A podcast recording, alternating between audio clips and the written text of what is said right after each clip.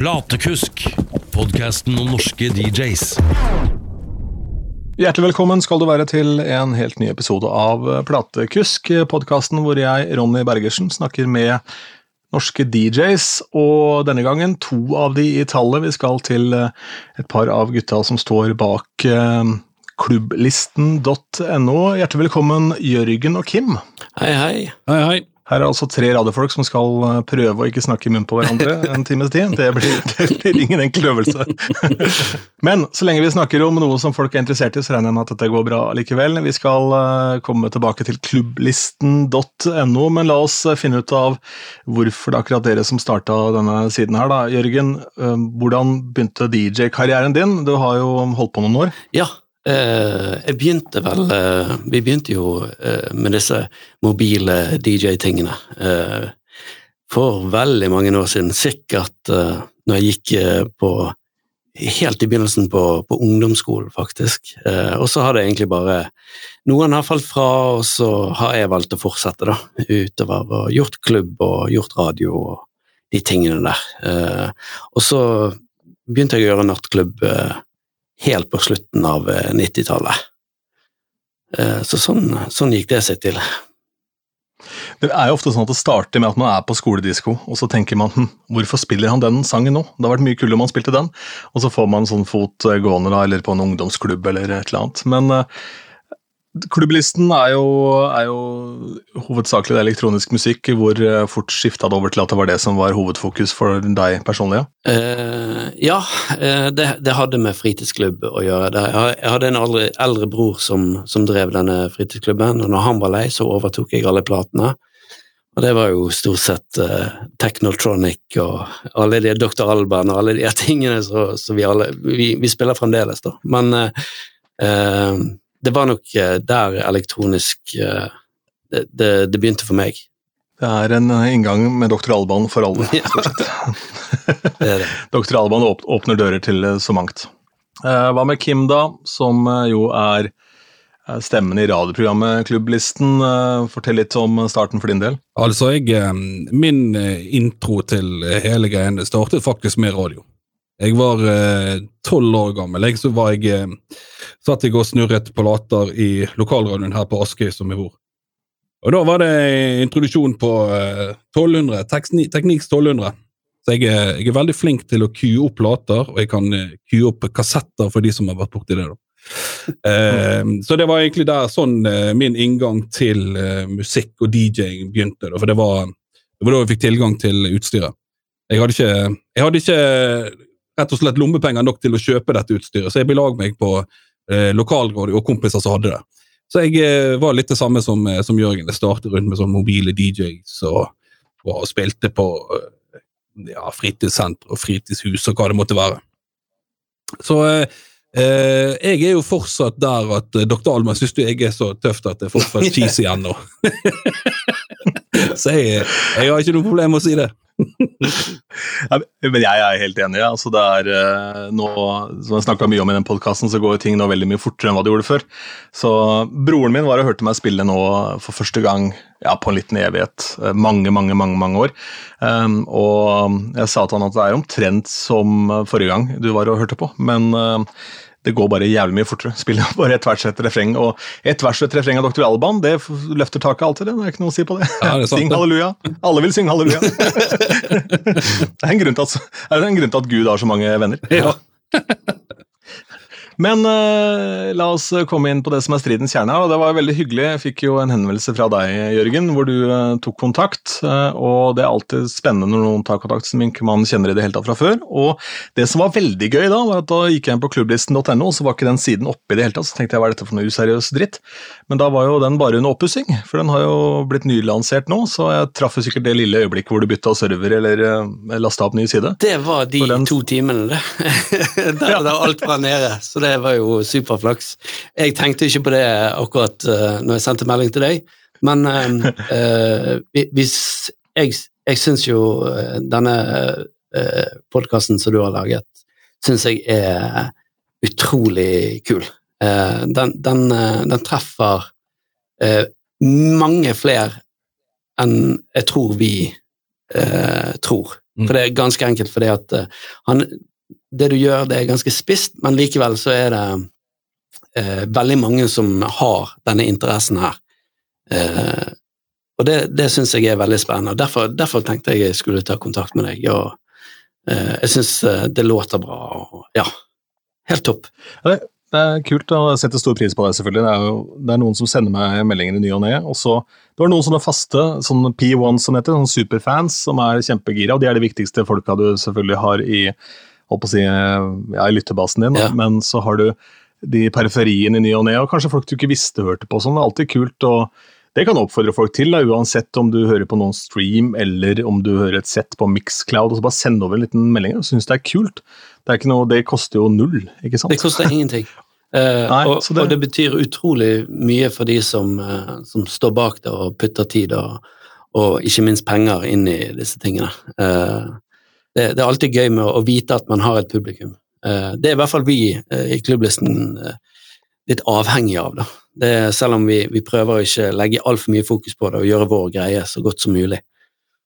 Men den nye nettsiden har jo, nettsiden har jo blitt dritfresh. altså Den er jo helt, helt rå. Jeg var inne og bladde rundt her, og det er jo masse ting å både lese på og masse ting å, å lytte til. og et kjempesvært crew her og sånn. Hvordan starta dette her, gutter? Altså, Dere legger jo ned åpenbart mye tid og, og ressurser i å gjøre dette her eh, fresht og kult. Eh, Dette begynte, eh, som veldig mye annet, så begynte det som en sånn pandemiprosjekt. Eh. Eh, der jeg, for min del, jeg var kjente jeg begynte å bli ferdig med nattklubb. Eh, jeg begynte å kjenne på hvordan det var å ha fri i helgene. Eh, og så det som, det som skjedde der, det var jo det at etter at landet stengte ned, så fikk vi en liten sånn herre et, et lite håp eh, inni der om at ting skulle åpne litt igjen eh, for å få liksom, bransjen i gang igjen. Og da, når de datoene begynte å komme inn, da kjente jeg det at nei, vet du hva, nå er det faktisk eh, stopp for min del. Eh, nå, nå er jeg nødt til å gjøre noe annet. Nå er jeg nødt til å begynne å høre og begynne å jobbe med musikk som jeg sjøl bryr meg om. Eh, mye mer enn det jeg gjør på kommersiell klubb, som jeg har gjort i veldig mange år. Og det er jo det er selvfølgelig litt min egen skyld at det er blitt sånn, men jeg tror det er gjengs for veldig mange DJs at den nattklubbjobbingen, spesielt i Bergen, den, den handler mye om å ikke akkurat presentere det siste nye, men å sørge for at eh, gulvet aldri, aldri blir tomt. Det, det er bare sånn det er, og jeg tror nok det, det gjelder de fleste steder i landet. Det, det tror jeg faktisk. Ja, jeg kan vel telle på én hånd, kanskje, de siste ja, altså De sangene som jeg spiller nå av nyere dato, som jeg tror kommer til å spille om tre år. Det er ikke spesielt mange altså, som blir heng hengende med. Så, det, det mm. syns jeg er egentlig litt sånn dumt, fordi at um, eh, vi, vi, vi blir liksom fengslet av, eh, av det der at vi alltid skal holde gulvet tomt, og så tar vi kanskje litt for, for lite sjanser. Eh, I hvert fall gjorde jeg det, da. Eh, og det eh, når pandemien kom nå, jeg kjente jeg fikk det litt på avstand, så tenkte jeg bare Jesus, vi er, vi er, jeg er nødt til å gjøre noe annet nå.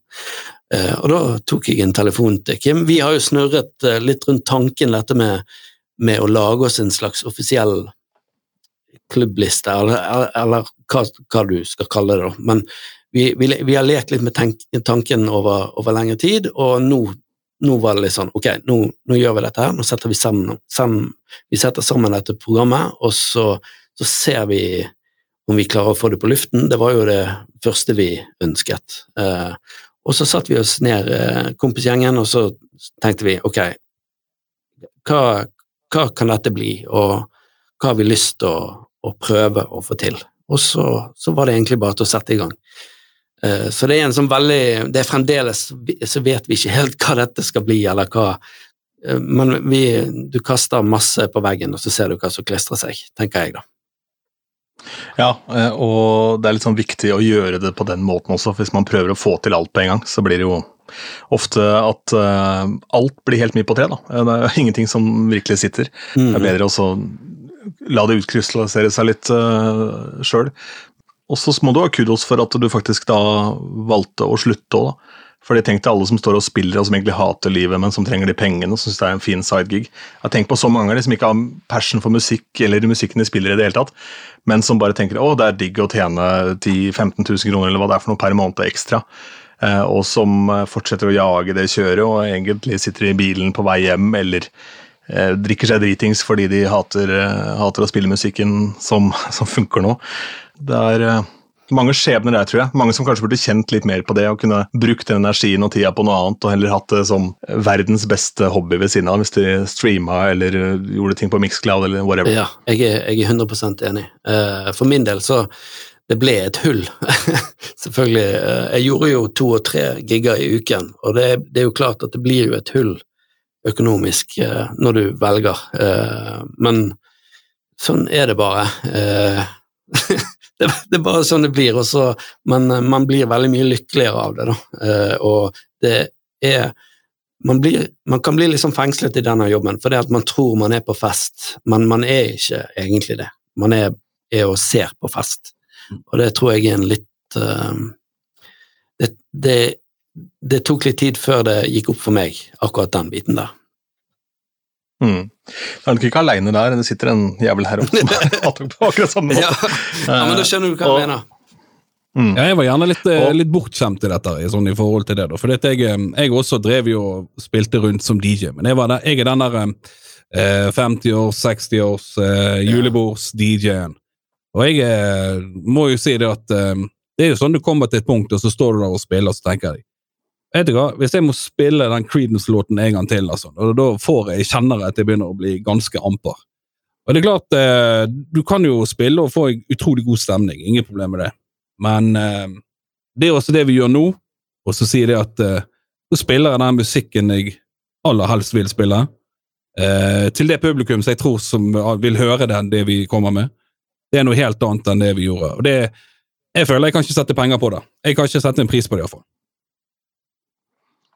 Nei, Det er jo det som er det magiske med det å DJ. da, at uh, hvis du De kveldene hvor du på en måte kanskje får tatt ting i din retning da, Jeg spiller jo hyperkommersielt sjøl, og mange av de der eh, 50-årslaga og juleborda og alt sammen. Nå er det heldigvis sånn at det er mye mindre Creedence enn hva det var bare for, for noen år siden. Ikke på Kim, han spiller det ennå. Må, må jobbe med markedsføringa, kunne få andre kunder. ja, ja, ja, ja. Dette dette skal vi prate om på privaten etterpå. Eh, det, er jo, det er jo et eller annet med det at du tiltrekker det og ja. Du appellerer til Creedence-folket, du, tydeligvis. Jeg har gjort det, og det er for så vidt helt greit. Det er det som jeg har vært hele veien. Altså, jeg, har, eh, jeg har egentlig aldri vært denne tekniske DJ-en, men jeg har um, jeg klarer også å løfte gulvet, og det måtte være med den musikken som måtte der og da. Og det er jo, da har jeg gjort jobben. Så sånn sett så har jeg Mm. vært fornøyd så langt. Men apropos å gjøre jobben, dere har jo lagt ned en formidabel innsats her, både i denne nettsiden, men ikke minst i eh, streamen. Men la oss ta radioprogrammet først, da, for det er jo mye å gå gjennom her, så vi må liksom ta litt systematisk. Eh, Radioprogrammet Klubblisten. Eh, For, fortell om det. Hva er det? Det er eh, per dags dato seks eh, utrolig flinke DJs som plukker musikk som, eh, som vi vi kaller det Norges offisielle klubbliste. Vi, vi gikk veldig bredt ut, for det, det, ingen, det er jo ingen andre som har tatt tak i dette. Så da tenkte jeg ok, da gjør vi det, så kaller vi det det, og så får bare får folk være uenige, da. Men det er som sagt eh, seks DJs som plukker eh, musikk i hver sine sjangre eh, som de er gode på, og dette setter vi sammen til en to timers sending, som da Kim kjører løpet på. Eh, og det gjør vi hver eneste uke. Hvilke sjangre er det, ja? Eh, vi har fokusert på uh, trance og progressive, uh, house, drum and bass, techno. Ja, det er vel uh, det. Er vel det. Riktig. Det er jo noen svære sekkebetegnelser der, og House er jo utrolig mye. Ja, ja, ja. Eh, eh, vi, vi merket fort det at det å på en måte sette voldsomme regler for oss sjøl, eller eh, sette opp store gjerder på hvordan vi skal gjøre ting, det Altså, hvis det er en feit house-låt, så spiller vi den uansett hvor, liksom, hvor i landskapet house den ligger. Så lenge det er bra, godt produsert, god vokal gjerne, så, eh, så spiller vi det. Da, da plukker vi det til listen. Og det, eh, igjen, vi, vi, må bare gjøre det som vi mener er så godt som, som mulig. og så altså Musikk, det er jo Å sette det som en, en liste, det er jo egentlig litt dumt, men uh, uh, det gir i hvert fall en pekepinn på hvor, uh, hvor disse sjangrene beveger seg akkurat nå om dagen. Mm, helt enig. Hvor finner dere disse låtene? Så Hvor går de seks personene inn og, og plukker de låtene? Det kan Kimmen ta. Ja, eh, det som vi sier i introen, vi plukker fra Beatport, Tracksource, YouTube Music og Spotify. Altså da, og det er jo liksom for å ta eh, De tar høydene, altså de, de, som blir spilt mest, og så går de gjennom listene, og så finner de låtene som passer i sin sjanger. Så det er basert på de slippene som blir gitt, og spillbarheten, eller eh, etter hvert hvor mange ganger det blir spilt. Men vi er såpass tidlig ute at vi må liksom begynne å leite litt nede i listene.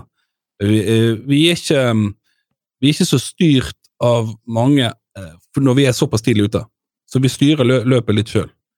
For det, ja. det, er veldig lett å falle i denne algoritmegropen. Alle disse her eh, listene. Så det er jo lett å falle i den. Så derfor, det er vi veldig, veldig var på. Mm. Men, men, samtidig ja, er vi jo veldig ute etter at vi skal, vi skal, det skal være god musikk. Uh, og jeg har jo en kjempefordel, for jeg er den som skal sitte og sette sammen dette her til, til en sending i to timer. Jeg får velge blant akkurat den ukens 20 beste låter. Det er jo helt fantastisk. Så uh, det, er jo, det er jo digg å sette sammen dette. Jeg uh, Hva skal vi si Jeg Eller jo, først, altså, det er bare offisielle utgivelser. Det er ikke typ bootleg-ting og sånn fra, fra, Soundcloud og sånn som ikke er gitt ut? Nei. Nei. Det er mm. offisielle utgivelser. Ja, Kult. Ehm, jeg hadde, Mitt første radioprogram var jo da noe som het City Top 30 på lokalradioen hjemme i Askim, Radio City. Og Der husker jeg den lista ble trykka i en sånn lokalavis, sånn ukentlig eh, Indre Østfold-blad, eller hva i helvete det for noe. Det var i hvert fall ikke den offisielle lokalavisa, det var ikke den daglige, men det var en sånn annen reklamevariant. da. Og Da måtte jeg sende det inn lista, og så måtte jeg utarbeide den og kurere den lista hver uke. og Det skulle være de mest spilte sangene. Men det programmet vi hadde, det klarte ikke å spytte ut hva som var det mest spilte, så jeg måtte bare ta det fra toppen av huet. da. Uh, og da husker jeg at jeg satt på skolen, for jeg var bare drittunge da, på den tida, og satt på skolen liksom, og skulle sende over den lista på deadline, og da blei den ukas liste laga der og da. Sånn. Ja, vi flytter den to plasser opp. Hadde null peiling på hvorfor det ble sånn. Bare, ja, den låta var kul, så den kan være nummer fire denne uka. Helt meningsløst.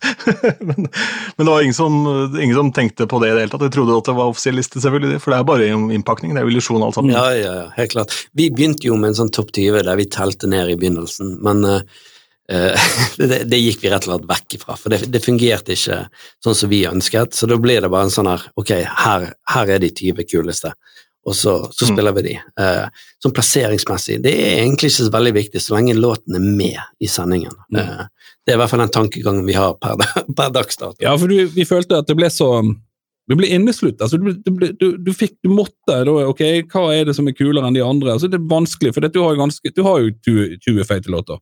Og Da er det vanskelig å si hva som skal være 20.-plass, 5.-plass og alt det der. Så det der bare gikk vi vekk ifra.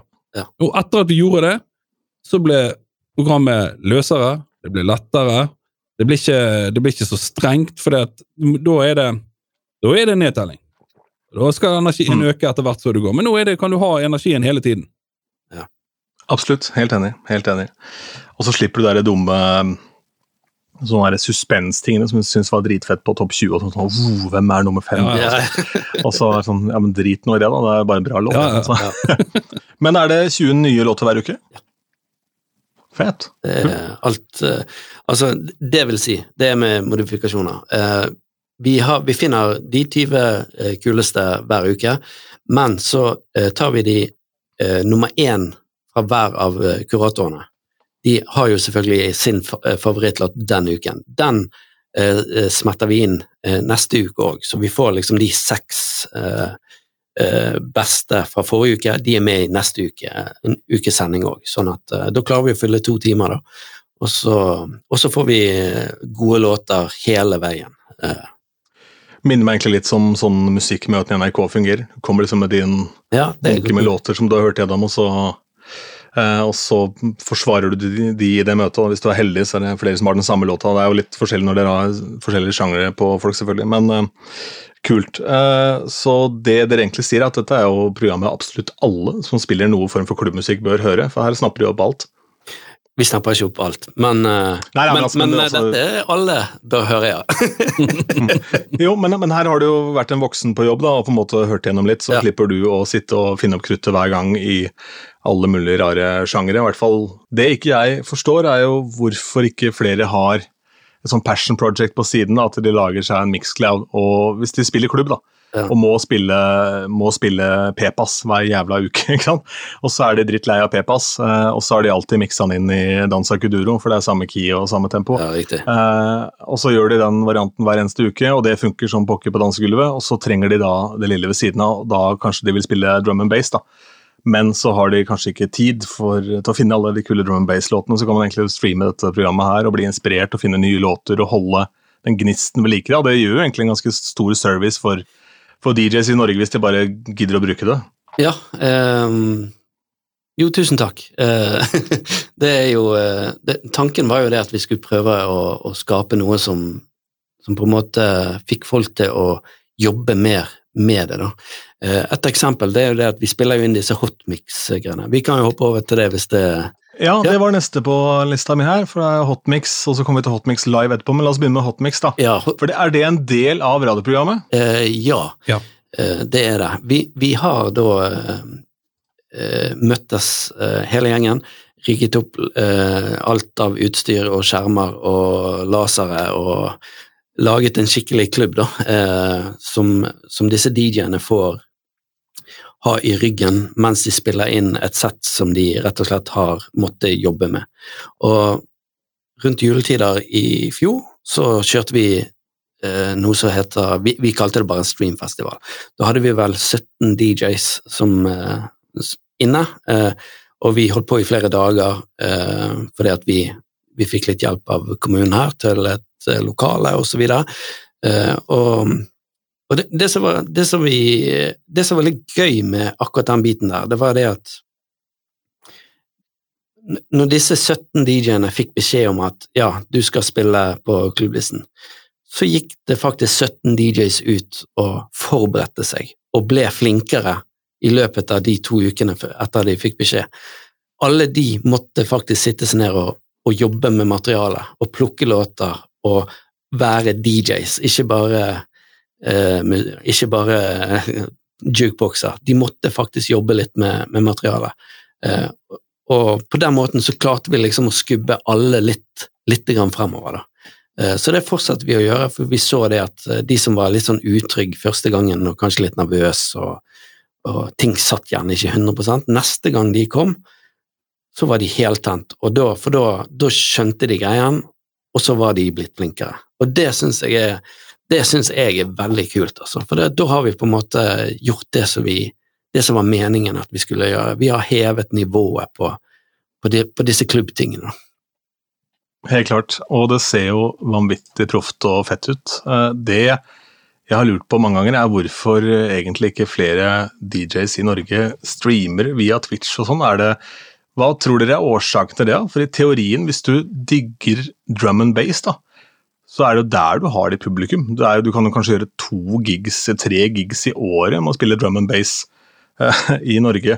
Med mindre du er den absolutt beste til å gjøre det i Norge, eller så må du utenlands. Uh, Og da må du ha et navn utenlands og på en måte få spredd, uh, spredd informasjon og marketing om deg selv utenlands. Det, hvordan skal du gjøre det? Jo, da må du vel vise det fram, da. Ja. Jeg syns det er veldig rart at det, at det er så få som egentlig er på, på Twitch da, av den norske, norske DJ-gjengen. ja jeg, Hva tror dere er årsaken? jeg tror nok mange er redd for det at Eller de er ikke redd, men de tenker gjerne det at ok, der er det allerede en million DJs ute, hvorfor skal, hvorfor skal jeg begynne? Og så kommer hele den tekniske biten med det, ok, da må jeg ha et kamera, så må jeg gjerne ha et lydkort, og så, og så kommer liksom hele denne biten der, da, som kan, kan kanskje være litt sånn eh, kan, sette opp en sperre for å, å, gjøre akkurat de der tingene der jeg, jeg, jeg kjenner meg i hvert fall igjen det at uh, ok, jeg har lyst til å kjøre en stream. Hva trenger jeg da? Nei, ok, jeg har ikke det. Ok, jeg har ikke den biten der. Ok, og så faller liksom hele planen i grus, da, fordi at du har på en måte du, du har gjerne ikke penger til å investere i akkurat det, det, det som trengs for, for å kunne gjennomføre det. Og vi har jo vært så alvorlig bortskjemt når det Ja. gjelder akkurat det der. Ja, altså det har jo bare vært et eventyr, hele greiene. Uh, vi har uh, en av våre beste kompiser, uh, LEP Tekniske tjenester, Lars Erik Pedersen, han bare Ja da, dette har jeg lyst til å være med på, og, og han jobber med videoproduksjon og har stilt opp både dag og natt for å få, få dette på film for oss. da. Eh, Mm. Det er egentlig helt fantastisk. Og så har vi òg en samarbeidspartner med P&P Produksjoner, som er da en eh, utstyrleverandør her i Bergen, som bare Ja da, hva trenger dere? Bare Vil dere ha lokaler òg? Ja da, bare kom til oss. Plukk fra hyllene det dere vil ha, og så, så kjører vi litt opplæring, og så får vi testet litt utstyr. Så det har vært bare en sånn fantastisk eh, synergi da, som har skjedd rundt dette her klubblisten. Og det er derfor vi, vi, har, eh, det er, derfor vi er her ennå, tror jeg. Det er det at alle har lyst til å være med.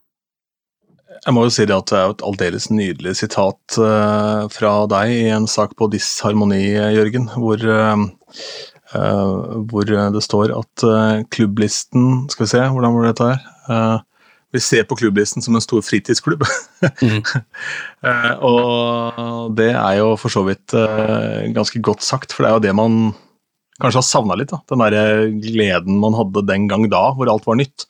Så kan man finne igjen den gleden eh, i en fritidsklubb for voksne, hvor man kan eh, spille undergrunnsmusikk og gjøre det på fett utstyr. Og i tillegg så får da den utstyrsleverandøren vist fram og laget en showcase ut fra de tingene de gjør. Riktig. Plutselig går noe viralt, ikke sant? det Mm. er de som produserte, så Ja det ser bra ut. De får logoene Og sine på. Ja, og så sitter du og tenker ok, jeg skulle produsert en konferanse, og så, ja, så er det top of mind fordi du digger ja, f.eks. drum and bass, da, som, var, som er gjennomgående greie her, Mm. tydeligvis. Eh, Men uh, hvis du altså, Herr og fru Norge hører jo på alt mulig rart, ikke bare Creedence, eh, alle heldigvis. Så, så det er muligheter.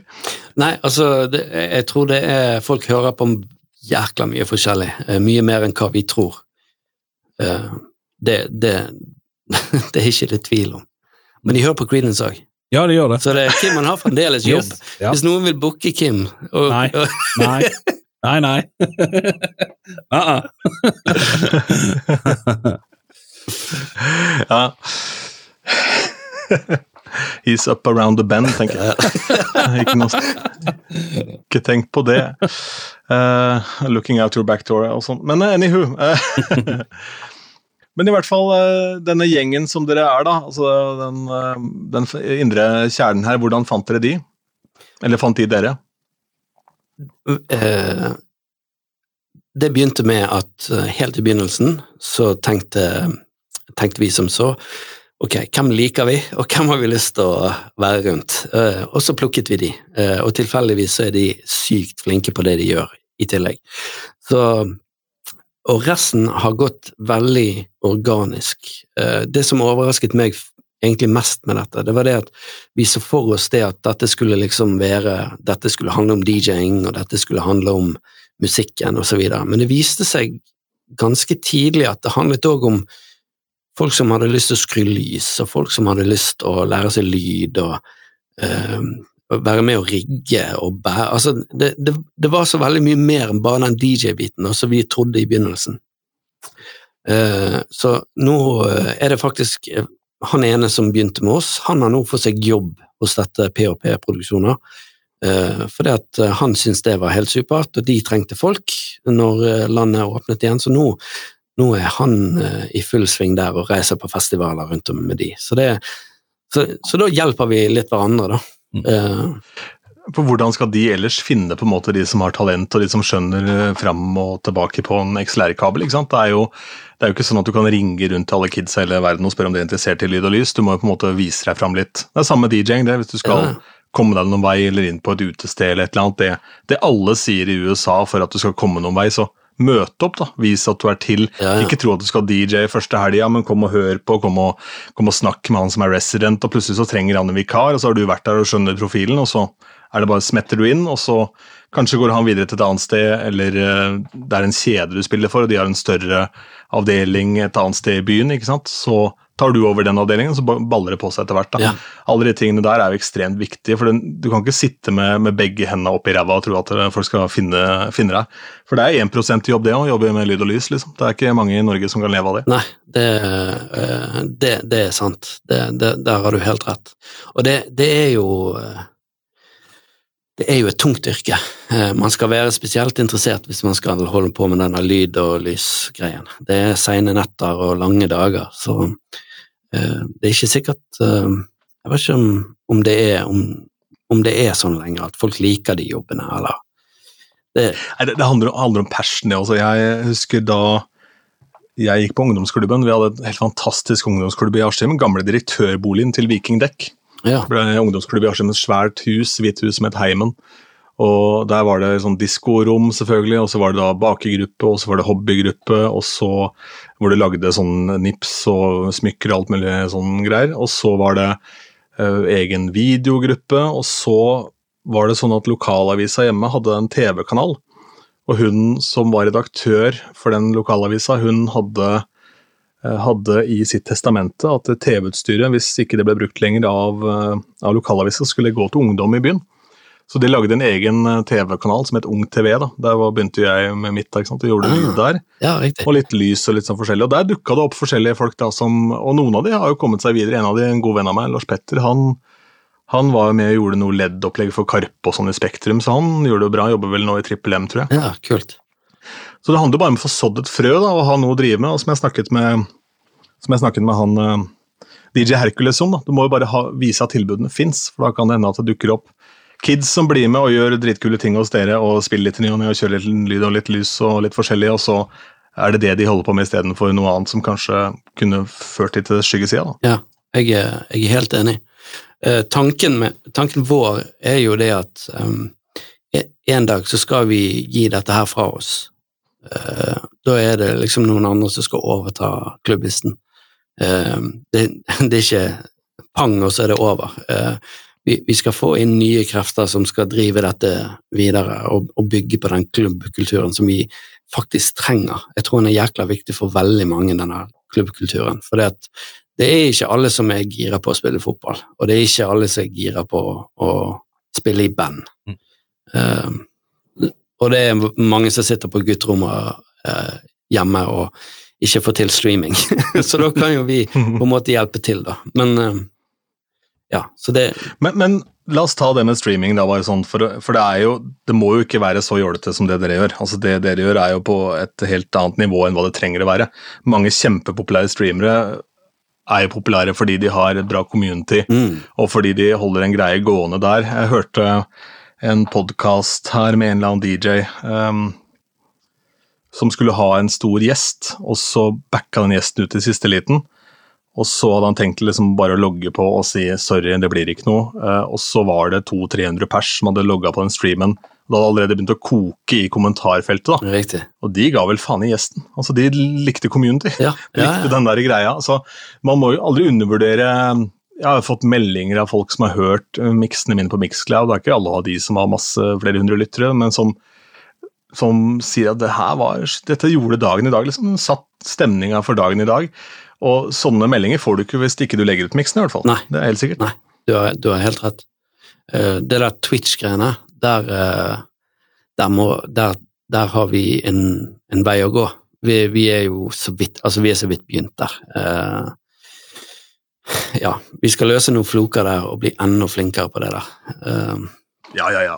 Men man må jo begynne en, et sted, og så tenker jeg at eh, det er mange veier til rom. eh, Og det som Jazzy Jeff sa vel det at eh, det som er kult nå med å sitte på Twitch, er at du kan hoppe fra superklubb til superklubb. Før så måtte du håpe at du kom inn på den klubben, Ja, ja. og så hørte du Tiesto. Nå kan du høre liksom, verdens feteste DJs et eller annet sted i eh, verden spille alle mulige sjanger du bare vil. Du kan danse rundt som om ja, eh, som om eh, det var en ballett, hele greia. Ja. Det, det, det er veldig interessant det, hvordan ting har utviklet seg. Eh, Og pandemien skjøt jo fart i dette her greiene. her. Ja, det er eh, det at uh, hvis man klarer å utnytte den pandemien til, til det bedre, tenker jeg, at man på en måte klarer å se at man har fått en liten gave i form av en reset, da, som du hadde, Jørgen, at uh, veit du hva, dette her nå er det ferdig, liksom. Mm. Eh, og så er det å komme over den kneika, men heller se at du kan finne glede i andre ting. Eller så er det den gaven jeg fikk i form av tid, hvor jeg skjønte at ok, nå kan jeg faktisk sette av tid til å bli flinkere på det jeg gjør, og til å rydde i musikkbiblioteket mitt, og starte podkast og bygge nettverk og Mm. lære meg om alle disse tingene her, da. Eh, for jeg tror de som brukte alle de eh, månedene hvor ikke ting var åpent, og bare skrive med albuen på Facebook hvor jævlig dritt det er og ikke gjøre spillejobber, angrer litt nå. Det, det er godt mulig, men det er ikke alle som har denne driven heller. De vil gjøre én ting, og så, hvis det ikke fungerer, så kan de bruke veldig lang tid på å finne sin nye greie. Jeg brukte seks måneder før jeg eh, fant ut at nei, jeg er, jeg er nødt til å holde på. Jeg, jeg kan ikke gå sånn, jeg kan ikke sitte mer på Netflix nå. Nå må jeg gjøre et eller annet, altså. Altså, jeg, jeg, var jo kjempeheldig. Jeg hadde jo Jeg satt jo egentlig og holdt på Nei, Vi var jo inne og snakket om 90-tallet. Jeg hadde et, et program her på lokalrådet som ikke gikk noen vei, men det var, det var gøy å drive på med. Vi kalte det for Foreplay. Vi spilte musikk fra 90-tallet. Det har jeg hørt, for jeg var med og utvikla for min forrige arbeidsgiver, eh, Radio Metro, har noen sånn håpløs radiobingo. Eh, og midt under pandemien For jeg var med i en sånn fokusgruppe da, for å bygge opp den radiobingo-dritten. Eh, og midt under pandemien så satt jeg og drakk noen trelitere med rødvin og spilte bingo på Radio Askøy. Men så bra, da. Eh, og da dukka, dukka dere opp etter bingoen, tror jeg. Ja, vi hadde nok noe reklame der, tenker jeg. ja. Ja, for jeg lurer på om programmet var fredag kveld eller noe sånt det gikk. Ja, vi hadde gjerne Vi var ikke fredagskveld, vi hadde gjerne før på bingoen. Men så hadde jo de De, de prøvde jo å prom pro promotere oss i bingo og etter bingo. Ja, sånn, ja. Og det er klart at det, det- var jo en eh, Det tok jo helt fyr i forhold til det det som var, når du hørte eh, introen vår. For det, vi har jo vi har, vi, har hatt, vi har hatt noen virkelig gode produsenter som hjalp oss med den introen og eh, den promoen. Så det var sånn Oi! det var noe helt annet enn det som Salve Radio Aske gjør det. Ja, nei, Jeg så jo felles venn eh, med Jørgen på Facebook. Her var en herremann med navn Frode Langhelle, som er vel blant de beste i landet. Så hvis det, er, hvis det er noen han kjenner eller går god for, som har hjelpa dere, så, så kan det hende at det ikke var så verst. Vi er vel litt bortskjemte der, kan du si. Det er barndomskamerater av oss. Ja, Men dette, dette må vi også snakke om, faktisk, eh, med, med radio og Bergen. Fordi Bergen var jo en helt egen klasse når det kommer til radio, og du har jo åpenbart vært med på denne reisen her, eh, Kim. Eh, hva er det i drikkevannet der da, som gjør at det kan operere flere kanaler samtidig som bare rocker sokka av folk? liksom? Hvis du tenker Askøy, så er det skumle bakterier, for det var ikke så lenge siden det var store nye saker. Men nei, for å være helt ærlig, jeg tror at eh, det, eh, det er mye Uten at vi skal eh, være, være sånn grandeur of delusions her, men jeg, jeg, jeg tror jo det at det er en mann som har gjort mye for radiomiljøet. eh, Bergen og Norge generelt sett. Det var jo Mr. Langhelle. Han startet jo sin karriere på Radio Askøy. Eh, gjorde en ny radiostasjon som het eh, MFM, og fikk da muligheten til å starte og hjelpe Radio 1 Bergen til å løfte de til det de ble. Eh, og så er det jo klart at um, han likte Og jeg, jeg kjenner jo han, så jeg kan jo si litt om det, men jeg, jeg kjenner jo ikke alt han har gjort, og alt dette, men det er jo en eh, var veldig fan av amerikansk radio. Adopterte det og gjorde det til en egen greie, spesielt i Bergen. Og Da eh, ble det snappet opp av eh, flere radiostasjoner, og så ble det en greie, og så ble de kjøpt opp, og så var det noen som mente noe annet. Og så var det over. Ja, det der, det der er en helt egen historie, men det er nå så. Ja. Men nei, jeg er enig i det, og det som Frode skjønte tidlig, det er at det må jo gjøres et stykke arbeid her, før vi på en måte eh, får noe som er kult på lufta. Man kan ikke bare skli inn på bananskall og levere, ikke sant. Det må jo faktisk legges ned en innsats her for at dette skal låte kult. Eh, og det, du trenger sånne folk i organisasjonen din. Du kan ikke bare tro at eh, alt eh, ja, at alt bare faller ned i hendene på deg. Nei, det, Eh, og- det er rett. Og jeg var jo ganske heldig. Jeg fikk jo, Han var jo han var jo på en måte og hjalp meg også, for jeg eh, var med litt i Radio 1 Bergen. Men så var det snakk om å starte opp med en radiostasjon som bare spilte dance trance på det tidspunktet. Og da het det The Voice i Bergen. Og da ble Ja, jeg eh, musikksjef for The Voice i Bergen. Så når den var oppe og gikk, så var, gjorde jeg en eh, Altså for å si det sånn, All musikken som kom inn, det lyttet jeg gjennom, og så ble det satt inn i skedulering, og så ble det rotert. og ja, Det var den eh, A-, B-, C-liste-greien som ble gjort da. Fordi min mentor, Endre Lundgren, han satt jo på The Voice i Oslo, Ja. så parallelt eh, samme tida. Så Og han hadde jo Norwegian Danchart, som var syndikert en periode, som vel var forløperen til eh, noe av det som dere holder på med nå, da. Eh, Bortsett fra at det var vel rapportering inn via DJ Promotions, eller hva det het, Ja. som eh, holdt på. Mm. Men um, Hotmix, da. Hotmix Live, for å ta det et steg videre, da. Ikke sant? Det er et klubbkonsept som dere gjør ute på utsteder? Eh, det er rett. Det er live-versjonen av disse hotmix-sessionene som vi har. Det er rett og slett Vi spiller inn, uh, DJ-ene får en time, uh, men nå er det da publikum. Det er jo rett og slett fordi at landet har åpnet igjen, og så da hadde vi muligheten til det. Og det som Mm. vi syns var litt spennende med det, og som vi liker med det, det er at vi tar den produksjonen som vi har hatt, som er kjennetegner oss litt, og det setter vi på en scene. Så eh, det, det, det var ekstremt moro med første session vi hadde, og så kommer folk inn, og så ser de det som de ventet i. Og jeg tenkte oi, hva er dette for noe? Og det må jeg si var, det var veldig gøy å se. Ja, Og så var det kult å treffe alle sammen i en, i en sånn setting. Ja. Eh, der, der, der folk kom av musikken og konseptet, ikke av at det var et, et utested der de kjente vakten, eller ja, Mm. sånn som det pleier å være i, i lysløyper rundt om. Ja, at man går et eller annet sted hvor det serveres alkohol for å prøve å plukke med seg noe rips hjem når Eller Riktig, sant? Noe, noe nedfallsfrukt hjem når kvelden kommer. er jo Ja. Det er jo det er mange av de, men det er jo de utestedene jeg lever av ofte, og da, de folka som henger og dingler hver eneste helg og håper på at det skal lykkes denne helgen. Um, up, bare Get Lucky, låt låta til Daft Punk. Up all night to get lucky.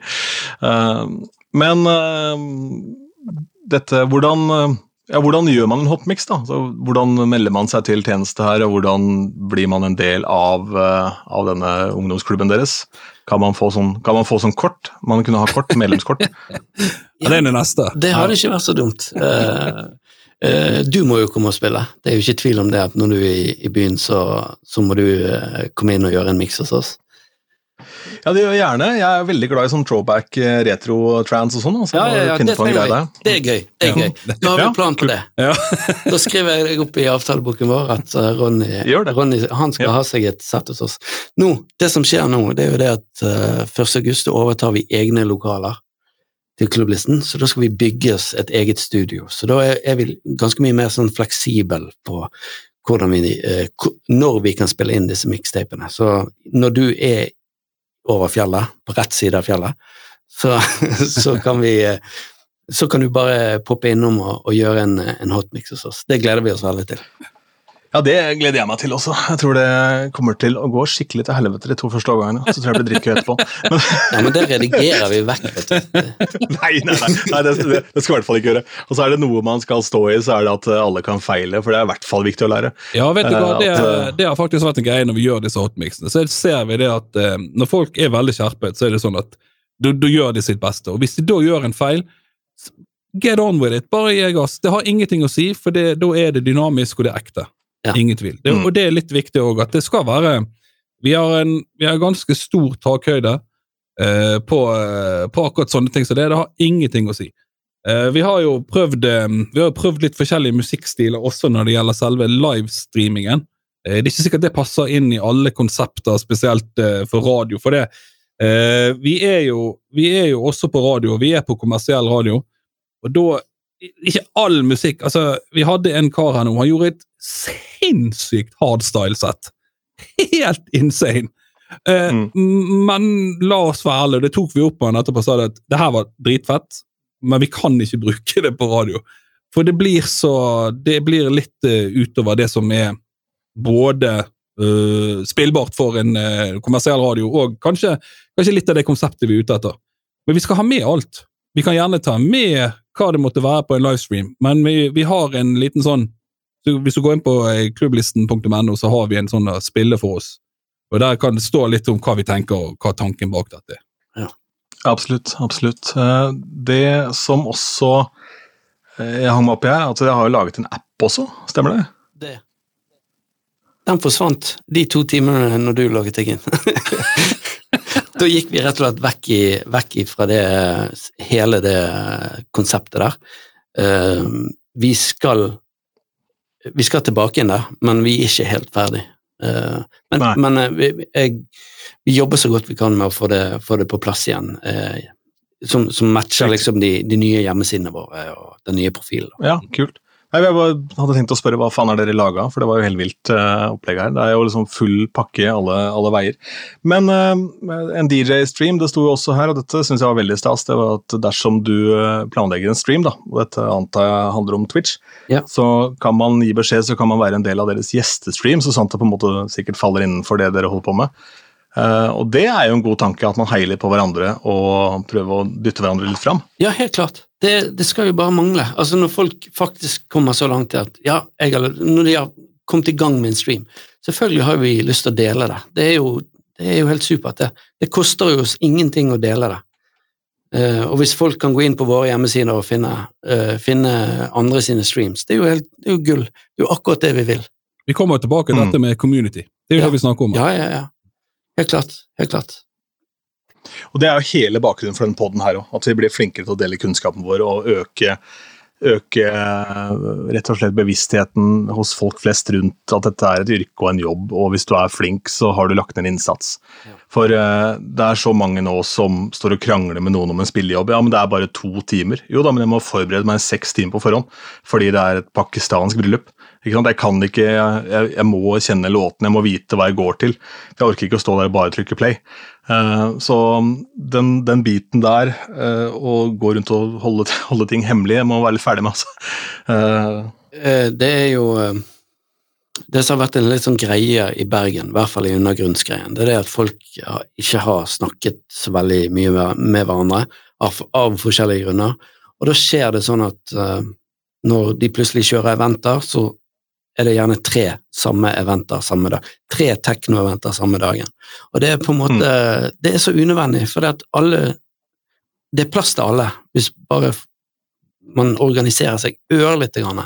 Mm. Og, og, men men det, er ikke, det er ikke lett, og jeg sier ikke det at, at vi, skal, vi er her for å bygge bro eller et eller annet sånt, men, vi, men vi, er, vi er genuint interessert i å hjelpe litt til, sånn at alle får fulle lokaler, og alle får høre feit musikk, at ikke, at ikke sånne ting skjer. Men eh, du snakket om eh, prislapp og kostnad her i stad, så det koster jo penger å drifte alle disse tingene her. og sånn. Eh, Hvor kommer pengene fra? Skjønner at dere har noen partnere som hjelper dere med teknikk og sånn, og likevel, det er jo flere, flere ting enn teknikken som koster penger. Akkurat nå så koster det penger, det, det er helt rett. Vi er selvfølgelig ute på, på utkikk etter en annonsør, men det må, det må være den rette annonsøren som har lyst til å være med og putte navnet sitt på dette og bidra. Uh, vi, vi, det, det, der, det der er helt nytt for oss. Vi har ikke jobbet på den måten før med annonsører og sånne ting, og hva de forventer. Så det får vi nesten bare ta når den tid kommer.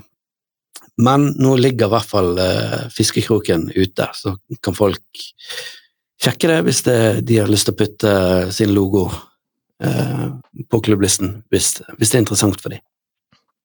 Det må jo være at du driver med et eller annet brand som appellerer til den målgruppen. da. Helt klart. Uh, Og det er jo det mange ikke har skjønt. Det er en DJ-streamer som uh, er veldig populær, som tester eh, utstyr, som heter Cleveland Terry. Og han fortalte det veldig godt at når noen tar kontakt med han, la oss si de har et nytt produkt, da, et nytt headset, da, en helt ny produsent. Beats by Dre skal inn i DJ-miljøet med headseten sin, ikke sant? så Mm. vil de at han skal teste det. Og hva vil det koste å få det hos deg? ikke sant? Nei, Du har så og så mange tusen, og da kan du ikke sammenligne hans 40 000 seere på den videoen med 40 000, eller med 400 000 seere hos en, en influenser som driver med bikinibilder. ikke sant? Altså Det er jo epler og pærer. Det er jo 40 000 DJs som ser på hans video. Mm. ja. Eh, Og det er litt det samme her, da. Det er et spesialprodukt uh, man selger. Jeg har også tenkt det altså, om man skulle spørre noen om det er interessert å annonsere på denne podkasten, men også, det må være helt riktig, riktig pakke for meg og alt sammen. Det er, ikke, det er ikke der skoen trykker, på en måte. Det er ikke der man brekker ryggen. Men eh, jeg orker ikke å sitte her og selge et produkt jeg ikke har tro på, eller.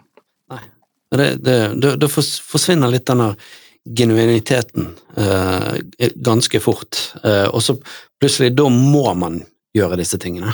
Da, blir, da, da får man plutselig noen som sitter i andre enden og forventer at du skal gjøre et eller annet. Mens Mm. hvis du ikke har en annonsør, eh, så styrer vi egentlig alt sjøl, og sånn økonomisk så er det ingenting av dette som tar livet av oss. Eh, akkurat nå. Det er det ikke, men det, det koster penger. Det, det er det Alt, alt som er gøy, koster penger. så, sånn er det bare. Ja, det er, det er noe med det. Eh, Men har dere familie og barn begge to, eller? Nei, jeg har ingen familie. Eh, vi er fem i husholdningen. Så det er klart det at eh, min kone syns jo det at eh, det kan hende at det går litt mye tid, og hvis det da går penger i tillegg, så er ikke det så veldig spenstig.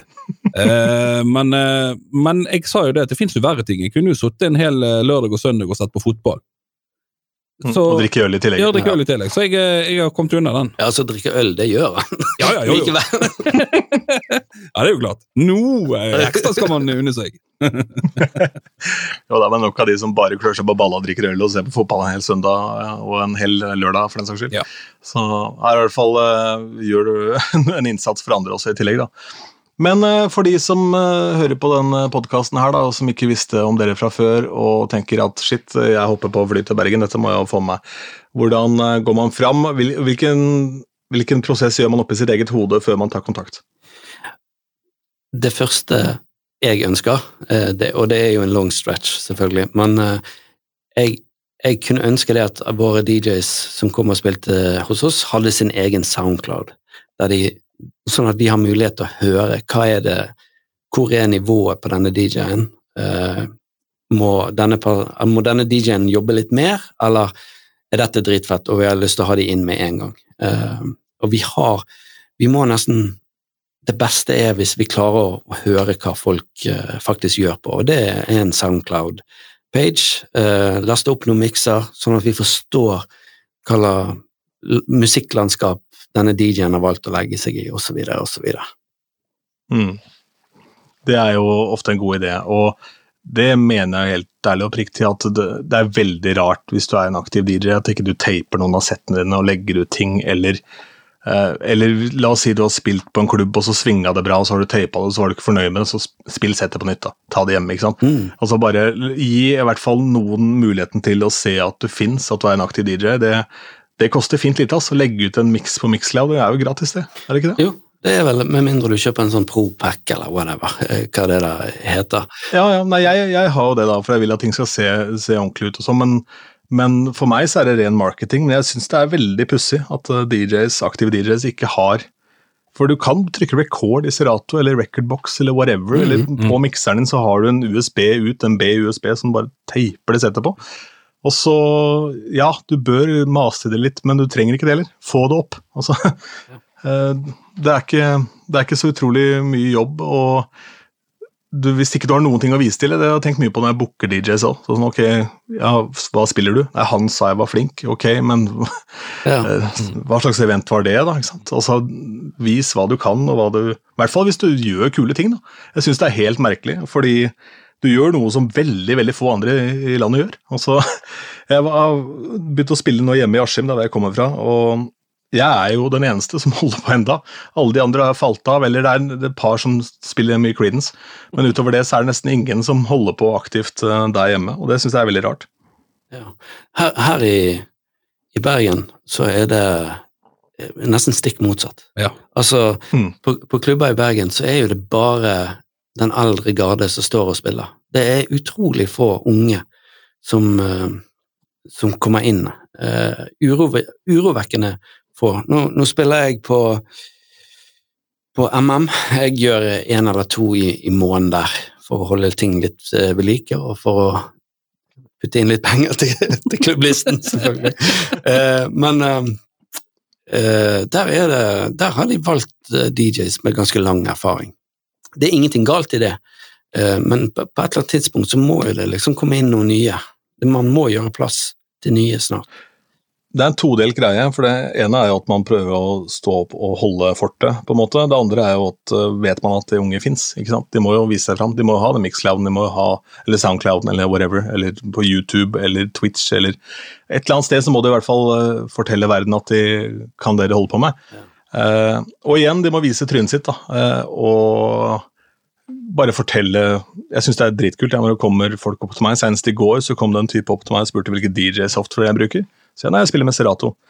Ja, har du hørt om Virtual DJ? Så ja, jeg har hørt om det, jeg har ikke brukt noe særlig. Og så viste det at han mix, satt hjemme og miksa for moro skyld. Bare en helt vanlig gjest på en bar jeg spilte i går. Mm.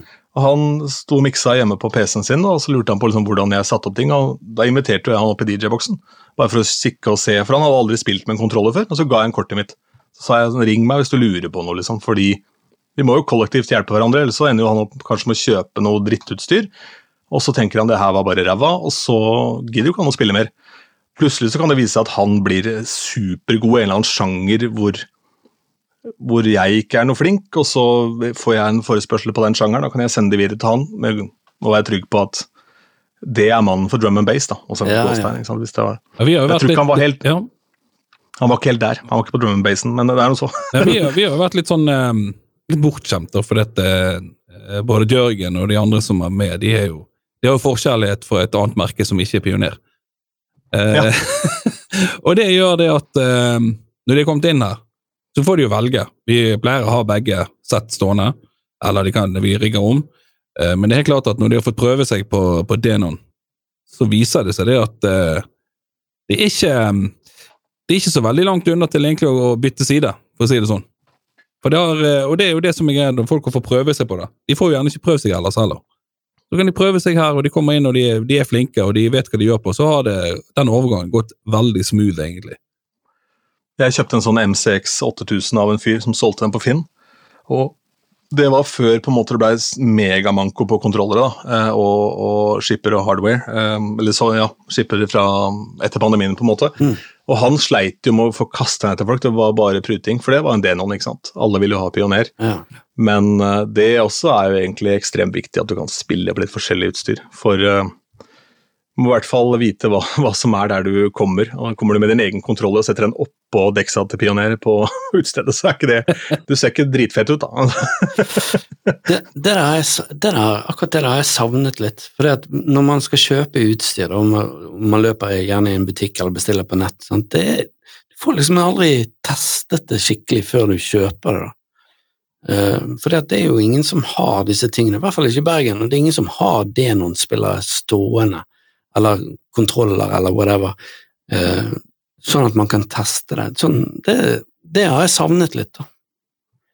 Ja, helt enig. Eh, Det husker jeg fra en gammelt av hvor du kunne stikke på Judia eller eh, hva det var for noe i Oslo, hvor du kunne liksom prøve litt forskjellige ting. Men eh, jeg veit ikke Det er vel såpass dyrt at å ha utstillingsmodellene, og så er det vel såpass nisjeprodukter og såpass hard konkurranse med nettbutikker fra utlandet at det går vel ikke opp, da, tror jeg. Kanskje. Ja, det er godt mulig. Akkurat det der har jeg lite peiling på.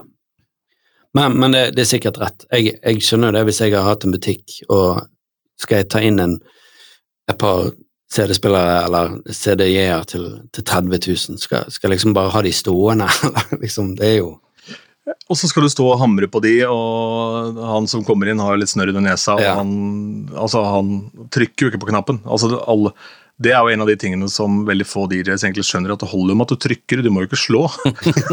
Selv om du er gira. så jeg vurderer å Jeg har jo egentlig elektronikkbakgrunn, så jeg vurderer å åpne et sånt verksted hvor jeg bare bytter sånn Q- og play-knapper på, på CDJ 2000 Nexus.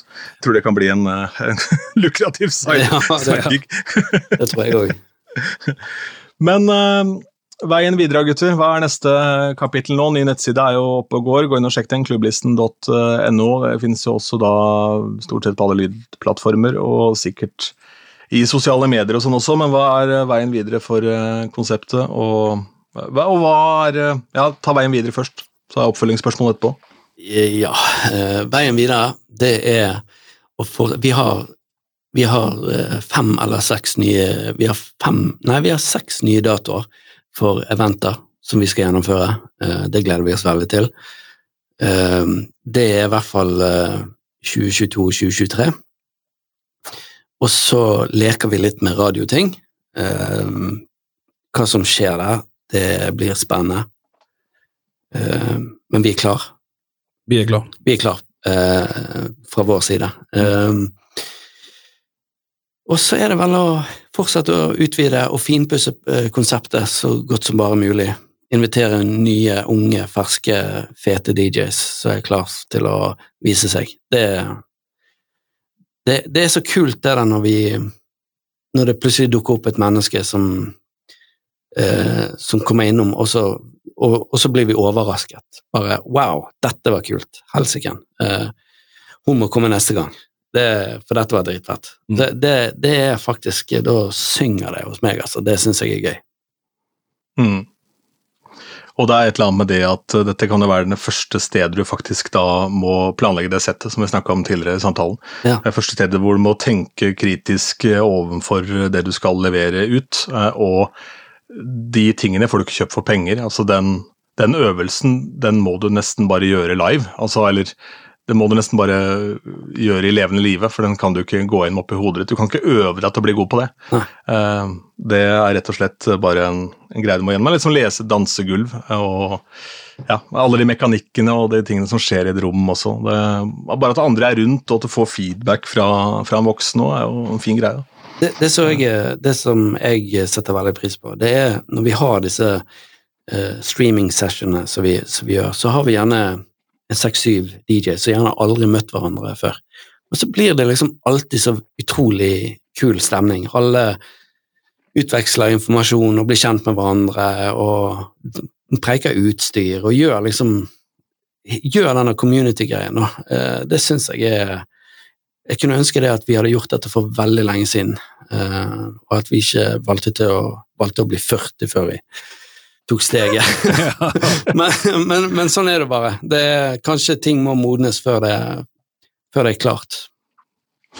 Det er jo litt sånn også, klart, eh, når noe oppstår for første gang siden 20-tallet, så får man jo et kick i rumpa, da. Ja. Med en pandemi, verdensomspennende. Det er jo ikke noe man kan forberede seg på. Det snur om på ting, og så kan man velge da å, eh, å ta den driven som da åpenbart dere gjorde, da, og så fikk man det lille sparket bak. Og så tror jeg det er veldig sunt at det er en gjeng eh, som brenner for det samme, da.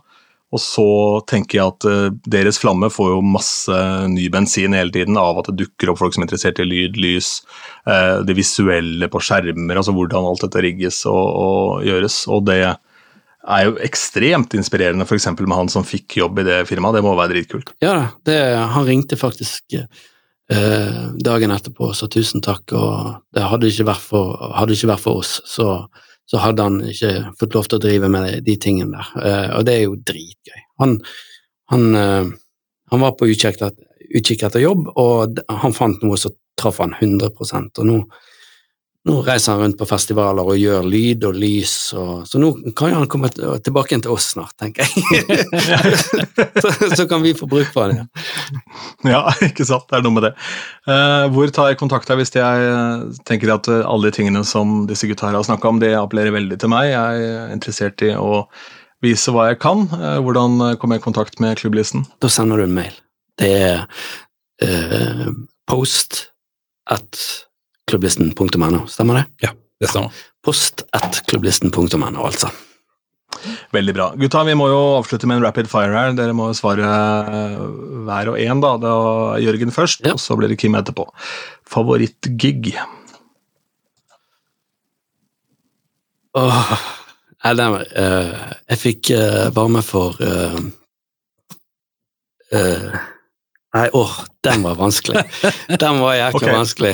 Eh, La oss ta den todelt. Ja. Det er jo både hva du har spilt selv, og hva du har eh, vært på, altså hva du har sett av andre DJs, eller det kan være en live-konsert for den saks skyld. Jo, der kan jeg ta en ganske kul en. Jeg fikk se for en del år tilbake på Kvarteret i Bergen, så så jeg Tibi, eh, det norske super drum and bass-stjernen vår. Eh, Og en av svært få nordmenn som har gjort en essential mix for Pete Tong òg. Så en ja, super altså, eh, han er jo en superstjerne, eh, det- og det er så fett, fordi at eh, eh, han er bare en vanlig kis som òg er superstjerne, og det syns jeg er Og vanvittig flink. Det Kan fort hende at han har en eh, e-post fra meg liggende i spamfilteret sitt, som bare så det er sagt. Du er sikkert ikke den eneste. Nei, det er noe, det. jeg har tenkt å invitere han hit eh, på et tidspunkt. Ja. Eh, Annie også, for så vidt. Jeg var i kontakt med henne Ja. i forbindelse med å For hun ga ut en ny skive som fikk altfor lite oppmerksomhet, syns jeg. Men det er nå så. Eh, hva med deg, Kim? Favorittgig? Vet du hva? Det er faktisk DJ Jesse Jeff på Lost Weekend Festival på Askøy. Vet du hva, det var helt sinnssykt. Da sto jeg eh, Jeg fikk varme for han. Ja. det var helt Det var, det var, det var kult å stå side med side med, med han, altså. Det Ja, var, det var helt han, han var flink. helt enormt. Jeg må si at uh, han er ekstremt inspirerende for meg også. For, for meg så var han fram til uh, ganske nylig han fyren fra Fresh Prince-opplegget, liksom. Og så, og så, visste jeg at han var flink til å scratche, og sånn, men den driven og den passionen han har for å oppdage ny musikk og dykke ned ting og han fikk jo covid veldig tidlig og ble alvorlig syk, så han skjønte med en gang at dette var, liksom, dette var ikke bra. Uh, og ikke. heiv, Nei, han fikk ganske heftig uh, holdt på å daue faktisk av covid. Uh, veldig tidlig i, uh, i um, fasen, uh, når um, det rulla inn over USA. Så han trakk seg da veldig tilbake og turte på en måte ikke å gå ut, og satsa heller mye hardere på Twitch. da. Uh, og de konseptene han kjører, altså, alt er inspirerende, for du finner, ja, du finner nye måter å gjøre ting på, og i hvert fall det med at en overgang ikke må være en beatmix. Det har uh, Jeg hører én million ganger på de tingene han gjør framfor en beatmix. Altså. Nei, han er fin, altså. Det er altså så nydelig, det klippet. Jeg tror jeg skal legge en, en, en link til det under hvis ikke jeg har gjort det. En tidligere episode hvor han, DJ AM bare vifter med det hvite flagget når de er på turné sammen, og Jazzy Jeff kjører noe jævlig med scratchinga på slutten der. uh, ja, som dere har spilt, da. Hva, hva sier du, Kim? Er det noe spesiell Creedence-kveld som var bra? Nei, vet du hva, jeg, eh, jeg har jo som sagt jeg har ikke hatt denne type gigs, men jeg gjorde et eh, og det er en senere tid, jeg gjorde et på, på, på Verft i Bergen, dette de hadde pusset opp, og så var jeg en eh, jeg var egentlig en pause-DJ mellom livebandet som spilte. Men det var, det var altså Jeg er jo lidenskapelig opptatt av fet lyd, og det skal være trøkk, og det er ikke måte på. Og du får spille på et helt nytt uh, Meyer-anlegg. Ja, det, det, det funka for meg. Ja, dæven. Det er heftig, Ja, altså. ja, det var helt rått. Ja, og For de som ikke vet hva Meyer-anlegget er for noe, så er jo det da f.eks. en produksjon som eh, Bruce Springsteen reiser rundt med. Så det er temmelig heftige saker. Ja. Det er eh, high end, og hvis du aldri har spilt på high end før, så får du en helt ny opplevelse så fort du gjør det. Mis- Mitt første møte med high end var Ella Acoustics, eh, og så var det temmelig greit. Ja, det er også fett. Ja, det er, eh, du får gåsehud på stedet på kroppen du ikke visste ikke han får gåsehud. Og så og så ringer det gjerne litt mer i øret enn hva du er vant til etterpå, men det er det også. Det går, in gjør uh, ingenting. helt, helt til det gjør noe. Favoritt-DJ? Hva sier du, Jørgen? Uh, DJ Craze. Mm. Uten tvil. I Norge? DJ Kim. Hvem er DJ Kim? DJ Spellen og Creedence. Ja. Ok. Nei, øh, åh, den er igjen øh, utrolig vanskelig. Men, men jeg kan, kan jo ta blant de som har vært innom og gjort hotmixer. Altså, hva, hva, hvis du skal trekke fram Hvis dere til felles da, kan trekke fram et par-tre stykker som folk bør sjekke ut, da, hvis vi snur litt på det. Ja, det har jeg veldig lyst til å gjøre. Ja. Uh, vi har hatt med oss en som blåste eh, hodet av oss første gang vi traff han. Eh, han, var, han sto bakerst i lokalet, stille og sjenert, og så eh, gjorde han et drum and bass-sett eh, der folk, folk bare stoppet opp, rett og slett, og det var Avil. Ja. Eh, det, eh, det var rett og slett Grotesk er ordet. Det var rett og slett dritstilig. Og han, altså det var så tøft at eh, jeg har spilt litt drum and bass, og jeg, må, der jeg måtte hjem og Jeg måtte da gå hjem og justere på hvordan jeg spiller drum and bass. Så bra var det. Uh, han gjorde det på en helt annen måte enn hva jeg gjorde, og som var utrolig mye fetere enn hva jeg klarer å få til. Uh, så, da, så etter det, så Når det var min tur igjen da, å gjøre hotmix, så, eh, så måtte jeg, jeg forberede meg i flere uker for å få det til på samme måte. Så det, Er det mulig å forklare hva som var forskjellen, på en måte? Måten han bygde opp låtene på, egentlig. Ja, altså det var, eh, det var først og fremst låtvalget eh, som var utrolig eh, hva, hva skal jeg si? Det, det var Det var veldig overraskende, samtidig som det var veldig hardt og tøft. Um, og så spilte han på den timen Han spilte sikkert 80 låter. Ja. uh, og det alt satt. Uh, han, han, han var bare så blodforberedt på den gigen der.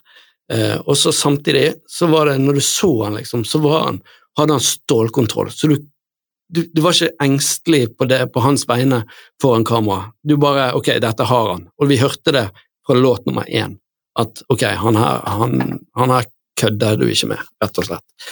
Så det var, Han er òg i tillegg en fantastisk produsent som har gitt ut uh, veldig mye kule ting. Og hadde det ikke vært for klubblisten, så hadde vi ikke funnet han kisen der, altså. Uh, og det, han skal være med videre, det er ikke tvil om det. Mm. Ja. Kult. Uh, ja, Det holder egentlig med, med han, fordi det er jo Drum and bass er altså en sjanger som ikke alle opererer i, så det er egentlig fint å ha et sånn type navn. Hadde det vært en sånn uh, house-DJ, da, så blir det sånn Ja, men jeg er jo flinkere enn han. Men uh, det er svært få som spiller masse drum and bass, tenker jeg, som er under poden. Så det er litt kult. Vi har, vi har hatt utrolig mange flinke nå. Ja. Og det er nesten litt sånn vanskelig og litt, nesten litt urettferdig, for det, alle er på sitt eh, nivå og sjanger kjempeflinke. Ja, det er eh, det, det, Grunnen til at jeg nevnte han der, det var fordi at det var, den, det var for meg den som virkelig eh, Der jeg sperret opp øynene og tenkte hva i helsike er dette for noe? Eh, de andre har jeg på en måte Jeg vet de er flinke, eh, og, jeg og jeg har kjennskap til dem. Eh, men han overrasket, for jeg har aldri hørt han før, og så overpresterte han så til de grader at det var, det var rett og slett eh, utrolig tøft. Og så har jeg, jeg, har lyst, jeg har lyst til å nevne ett navn til, og det er han eh, Dan Rine, som vi nå har plukket inn som kurator hos oss til, eh, til å plukke musikk hos klubblisten. Mm. Eh, han har vi hatt med oss to ganger, og bare karismaen, eh, låtvalget, eh, teknikken, alt bare, det er bare dønn. Eh, så det er òg et, et navn vi skal ta med oss litt videre og knytte oss litt nærmere til, for ja, det er han som er fremtiden, ikke, ikke vi. Vi er på jakt etter fremtiden, ja. Ja. Det er sant, det. Helt klart. Eh, Det er eh, en god eh, tanke. Da er det neste på lista her, det er jo da hva dere liker å gjøre da dere ikke er DJs.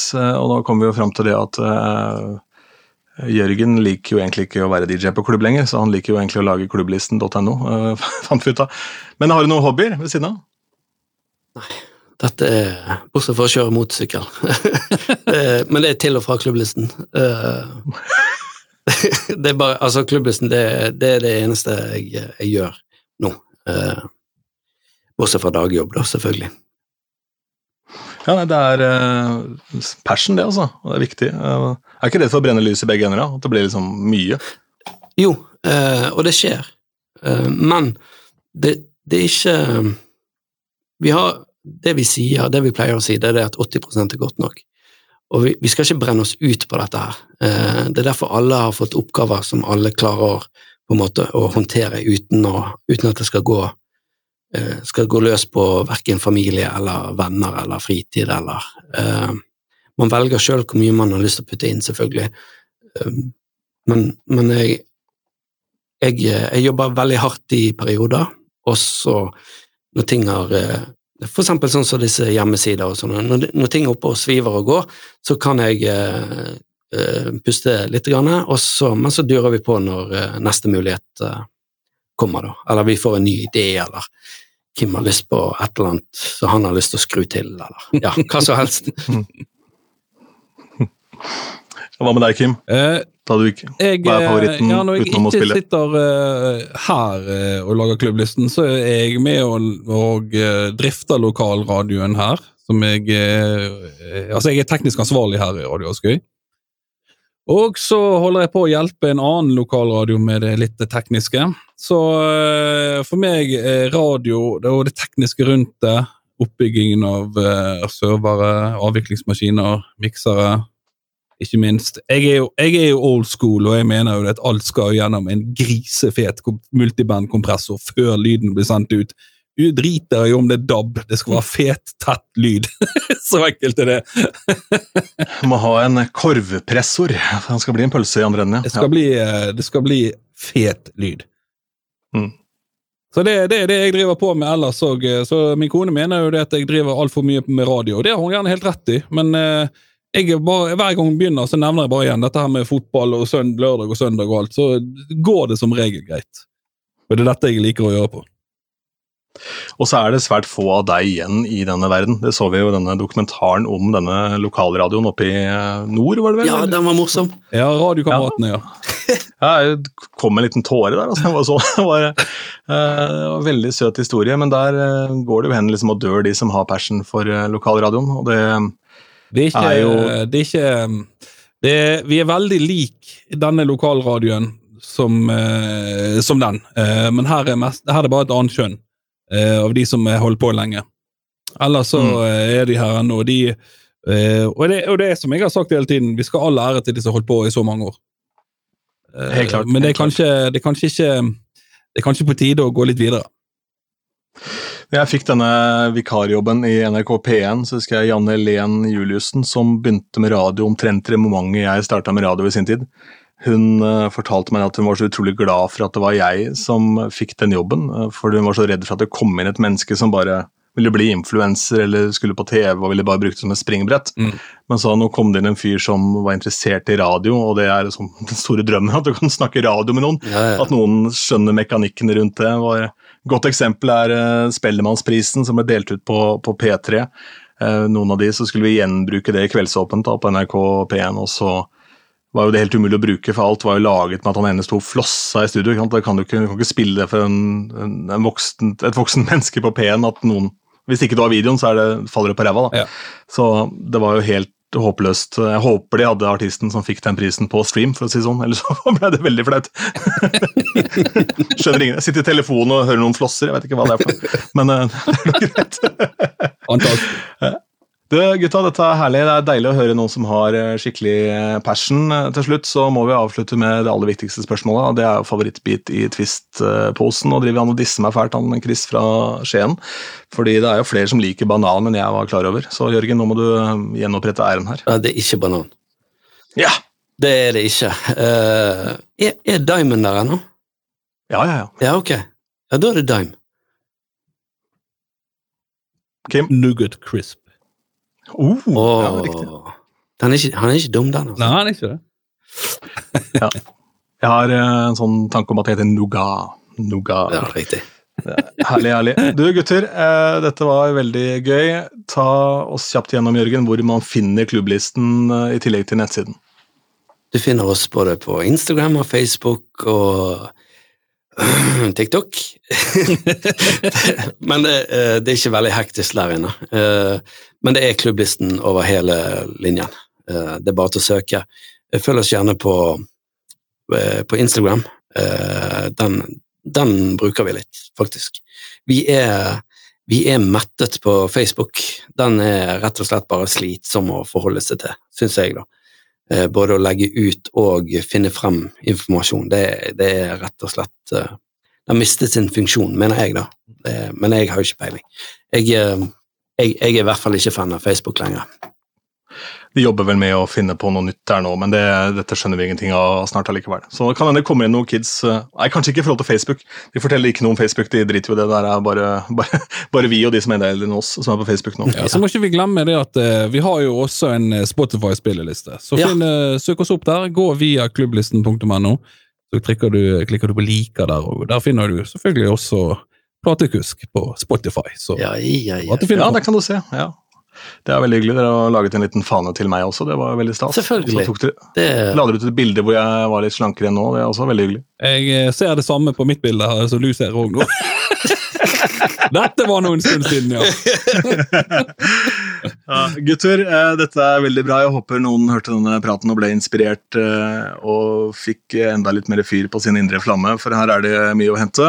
Og takk for at dere tok dere tid til å ta en eh, prat. Og så gleder jeg meg til å komme til Bergen og, og bombe med noen dårlige mikser der i starten, og så få det til å fly etter hvert. det gleder vi oss til. Gleder oss veldig. Du har hørt Platekusk, podkasten om norske DJs.